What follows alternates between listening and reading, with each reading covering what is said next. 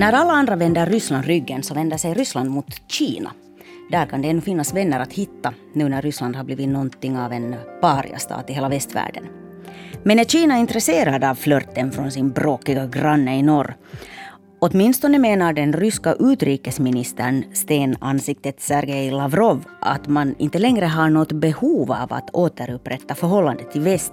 För i Kina har man en partner man kan lita på. Är det så? Det ska vi prata om i Nyhetspodden idag. Jag heter Jonna Nupponen och jag säger välkommen hit till dig, Mikael Wigell. Tack.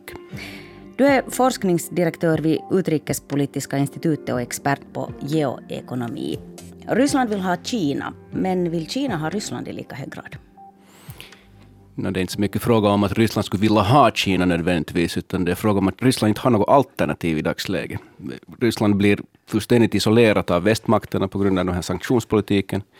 Så Ryssland har inte riktigt någon annanstans det kan vända sig. Mm.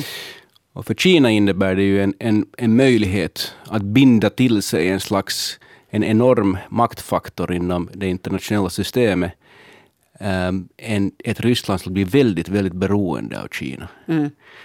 Och på ett sätt blir det en slags vasallstat, om man vill lite karikera, till Kina. Så för Xi Jinping innebär det ju en, en ganska intressant utsikt att binda till sig det här, det här landet som det kan göra en slags partnerskap med, men vara klart den starkare parten. Mm. Är det det som Kina ser när, när de tittar på Ryssland, att nyttan av Ryssland för att ingå i någon slags allians?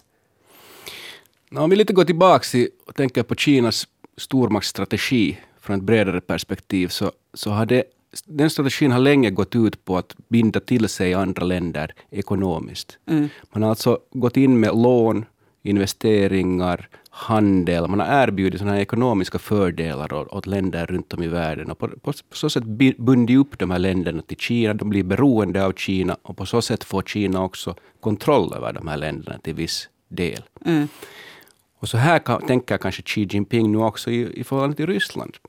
Att nu när inte Ryssland får sålt någon annanstans så att säga, så är Kina Rysslands enda möjlighet. Eh, så för på ett sätt så lyckas Kina binda upp Ryssland till sig själv och på så sätt har de ju ett gemensamt intresse också vad gäller deras motstånd mot, mot västländ, västländerna på många sätt. Både Ryssland och Kina är rädda för demokrati och demokratisering. De vill inte höra av någon människorättskritik eller människorätt i allmänhet. Eh, så de har ett gemensamt intresse. Och där kan Ryssland vara väldigt eh, funktionellt för Kina på många sätt. Ryssland har förmåga att sätta käppar i hjulen för västländerna och förmåga att uh, driva sådana här auktoritära intressen runt om i världen väldigt mycket genom hybridpåverkan till exempel. Så på det viset så har Kina nytta av Ryssland på så sätt. Och på det andra sättet har ju Kina också nytta av att nu kommer man billigt kommer man åt Rysslands råvaror. Mm. Olja, metaller, naturgas har ju Ryssland mycket av. Det är sånt som Kina behöver för sin ekonomiska tillväxt. Mm.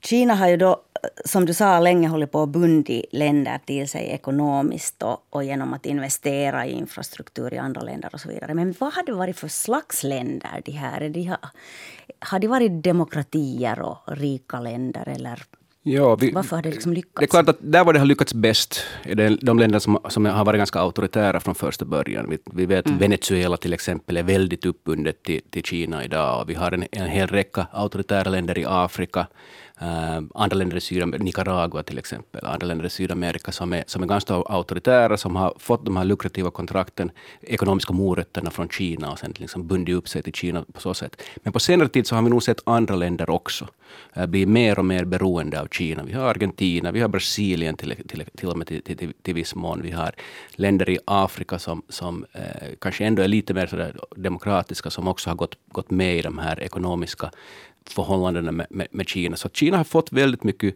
makt på senaste tid i det internationella systemet. Vi ser att i internationella organisationer, i olika internationella forum, så har kritiken mot Kinas människorättssituation tonats ner. Mm. Och, och, Kina börjar få en del sån indirekt kontroll så att säga över mer och mer länder i, i världen. Och vi ser att den, så att säga, den strategiska geografin börjar vända sig mot Peking. Mm. Om, om, om de här transportlederna och logistiska eh, ledarna lederna och, och hamnar och flygfält så har varit mer liksom vänt i en nordlig riktning tidigare. De har gått till USA, de har gått till Europa, de här, de här handelslederna så att säga. Nu börjar de vända sig mot Peking. Och det här är ganska intressant att se att, att här, hur Kina på ett sätt har väldigt smart gått tillväga i den internationella politiken, mm. men på ett sätt som inte skapar några hotbilder i, i, i Europa och USA så mycket. Man, man, har fått göra det ganska sådär under radarn, så att säga. Det har inte varit särskilt bemärkt och det har inte skapats en motstånd heller. Så de har fått göra det här ganska i fred tills några år sedan, när det kanske lite mer började se Kina som en, som en hotbild här också. Mm. Så att, men nu är Kina i den positionen att, att man har väldigt många länder som, som starkt går Kinas ärenden på ett sätt. Mm. Det är, det är ett lite annan slags stormaktsspel som pågår i det internationella systemet idag än om vi jämför till exempel med kalla kriget, när det var väldigt mycket handla om att man militärt skulle ockupera andra länder, eller det handlar mycket om, om militär makt. Uh, I dagens läge skulle jag säga att internationell politik handlar det väldigt mycket om ekonomisk makt och vem, vem som kan, kan, kan, strategiskt utnyttja sin ekonomiska makt. Här har vi ju ett... ett mm.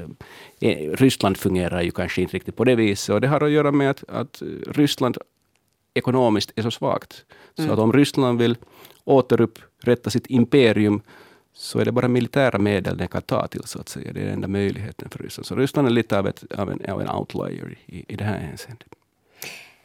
Vad vill nu då Kina med Ryssland? Eller framförallt, kan det bli en fjäder i hatten eller kanske en fjäder under tummen, fast det nu inte är ett rätt uttryck. Men, men om Ryssland blir beroende av Kina nu för att de inga andra vänner har.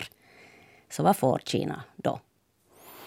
Kina får en, en stark bundsförvant i det här spelet mellan om vi ser så här på internationellt system, där vart det, vart det håller på att luta, är ju det att vi, vi, det håller på att gå upp i två läger, så att säga. På ena sidan har vi demokratiska länder med USA och Europa, Europa i spetsen, och på den andra sidan så börjar vi få ett starkare läger av en axel mellan Ryssland och Kina.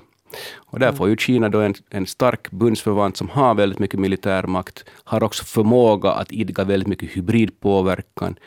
Och Kina och Ryssland sammanförs ju av det gemensamma intresse de har att motsätta sig en demokratisering runt om i, i världen. Um, Kina och Ryssland vill inte se demokratisering. De är rädda för, för demokrati, för att det skulle kunna fälla deras regimer förstås, så de försöker motverka det. Um, så där får ju Kina en en, en ganska stark bundsförvant. Kina får också tillgång till de här naturresurserna i Ryssland som, som Kina behöver för sin egen ekonomiska tillväxt. Samtidigt ska vi komma ihåg att det innebär en risk att det här partnerskapet med, med Ryssland för Kina innebär en risk förstås. Mm. För att eh, Kina har som sagt många år bundit sin strategi kring att, att binda upp andra länder till sig själv ekonomiskt, uh, förklara att det här inte innebär ett hot för någon, att det är fråga om ekonomiskt samarbete som alla tjänar på.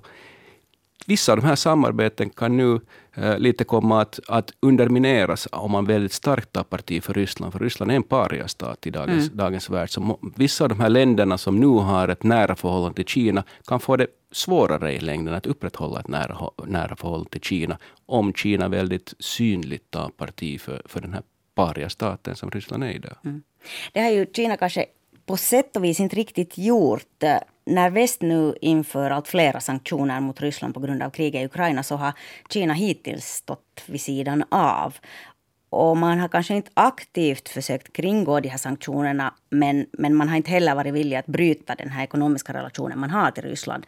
Vad är din bedömning? Vad är det för en slags balansakt Kina försöker sig på här? Och det är just en balansakt. Man mm. försöker att inte alltför tydligt visa att man, att man backar upp Ryssland och ger Ryssland diplomatiskt och ekonomiskt stöd. Man gör det så där lite under bordet på något sätt. Uh, Kina kanske också räknar med att det är väldigt mycket svårare att, uh, för västländerna att sätta sanktioner mot Kina. Så i, i längden tror jag att vi kommer att se att, att Kina nog backar upp Ryssland. Och jag tycker vi ser signaler på det redan nu, tydligare signaler på det.